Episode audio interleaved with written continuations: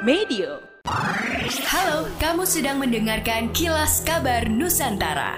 Podcast persembahan KG Radio Network menyajikan berita harian yang mengangkat keunikan dari berbagai wilayah Indonesia. Kilas Kabar Nusantara dapat juga didukung oleh pengiklan loh. Bulan November 2023 ini diprediksi akan mulai memasuki musim penghujan, khusus di Kota Batu yang merupakan daerah dataran tinggi. Saat musim hujan terjadi bencana alam mulai dari tanah longsor, banjir, angin kencang hingga pohon tumbang. Bahkan dari data Badan Penanggulangan Bencana Daerah, Kota Batu tahun 2022 lalu, sepanjang tahun 2022 di Kota Batu terjadi sebanyak 203 kejadian bencana. Mayoritas bencana yang terjadi tahun lalu pihak yakni terjadi saat musim hujan, bulan November, dan seterusnya. Sebagai upaya persiapan jelang musim hujan, BPBD Kota Batu akan menggelar apel siaga darurat bencana menghadapi musim hujan selasa 7 November 2023 sore di tempat wisata Selekta Kota Batu. Diharapkan dengan adanya apel siaga bencana ini akan tercipta koordinasi dan kolaborasi yang baik dari semua unsur di Kota Batu.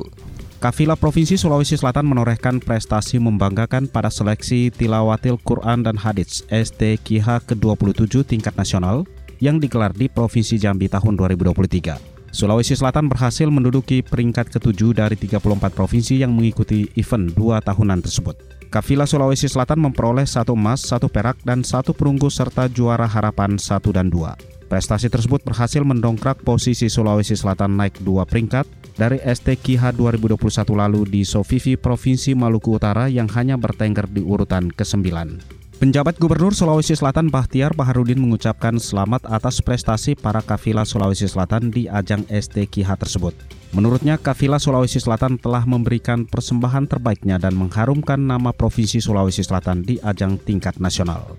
Adapun nama peserta dan cabang lomba yang dimenangkan Sulawesi Selatan pada STKH Nasional ke-27 di Provinsi Jambi tahun 2023 antara lain terbaik satu atas nama Muslihah Jamaludin, cabang Hafiz Al-Quran golongan 30 juz. Terbaik dua atas nama Irma Juliana Hasbullah, cabang Musabakah Al-Hadits, golongan hafalan 100 hadits dengan sanat. Terbaik tiga atas nama Nur Faisa Jamaludin, cabang tafsir Al-Quran golongan bahasa Arab. Harapan satu atas nama Rosi Nasrullah, cabang Musabakah Al-Hadits, golongan hafalan 500 hadits tanpa sanat.